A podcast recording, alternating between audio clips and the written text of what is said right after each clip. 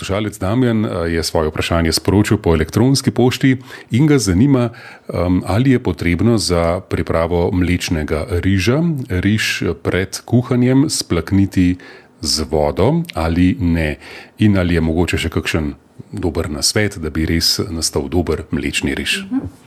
Ja, riž vsekakor operemo za vsako kuhanje, za mleko, za mlečni riž ali za narastek potem, kakor tudi kašo.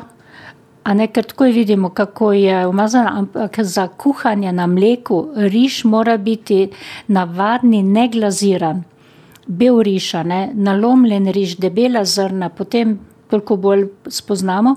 In ta riž se lepo nakuha, razkuhava malo in tudi tale riževa sluz potem lepo veže gosti, če je mlečni riž, če ne pa, če damo mi riž za praženje, ki je za solate, za tole glaziran riž, ko ga kuhamo, pomešamo, riž pade na dno in vedno je tekoče mleko. Ni tistega, kakor pričakujemo, da bo mlečni riž. Zato prvič vrsta riža bo vplivala na to, oprati potem to vsekakor takšnega in operemo ga v topli vodi, tudi majhno vode zalijemo, toliko, da je kakšne milimetre čez riž vode in to pristavimo in pol prilijemo še ostalo tekočino v mleku.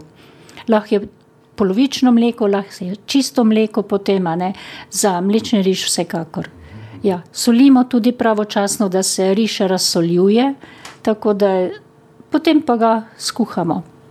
Koliko soline, najbrž ne preveč?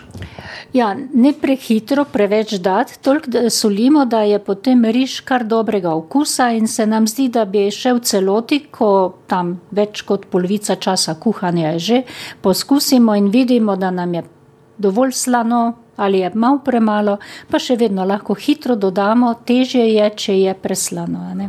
Ja, ampak riž, rabi majhno več soli kakor kakšne običajne jedi, takole mlečne. Je kar treba, ampak ne prenagliti se, ker tisto nikoli ni dobro.